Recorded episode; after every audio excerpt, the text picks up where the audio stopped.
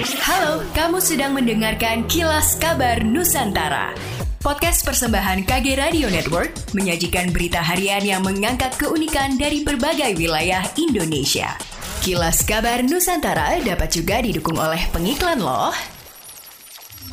Buat kamu, para fresh graduates yang pengen tahu serba-serbi dunia kerja profesional, serta hak dan kewajiban karyawan dan perusahaan, yuk dengerin Podcast Obsesif, persembahan Medio by KG Media, hanya di Spotify.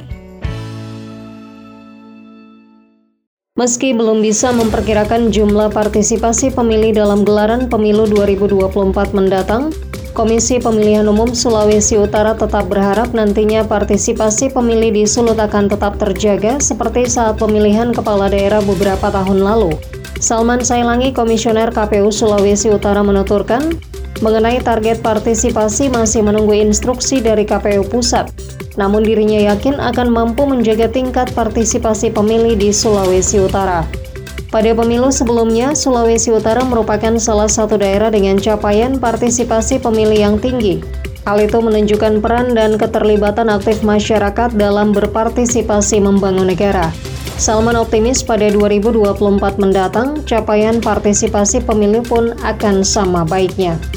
Hari jadi ke-353 tahun Provinsi Sulawesi Selatan yang jatuh pada 19 Oktober 2022 disambut hangat pihak pelaku industri pariwisata. Hotel-hotel dan restoran yang tergabung dalam PHRI akan memperlakukan potongan harga pada fasilitas tertentu berlaku sejak tanggal 14 Oktober hingga akhir Oktober. Total potongan harga kamar hotel ini mencapai 15 hingga 25 persen. Ketua PHRI Sulsel Anggiat Sinaga mengatakan promo yang diberikan merupakan wujud apresiasi kepada pihak pemerintah provinsi.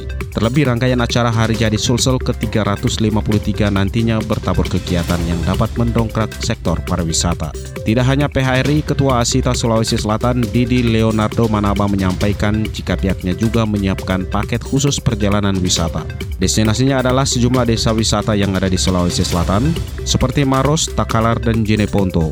Totalnya sebanyak 15 desa wisata yang akan dimasukkan dalam program promo tersebut.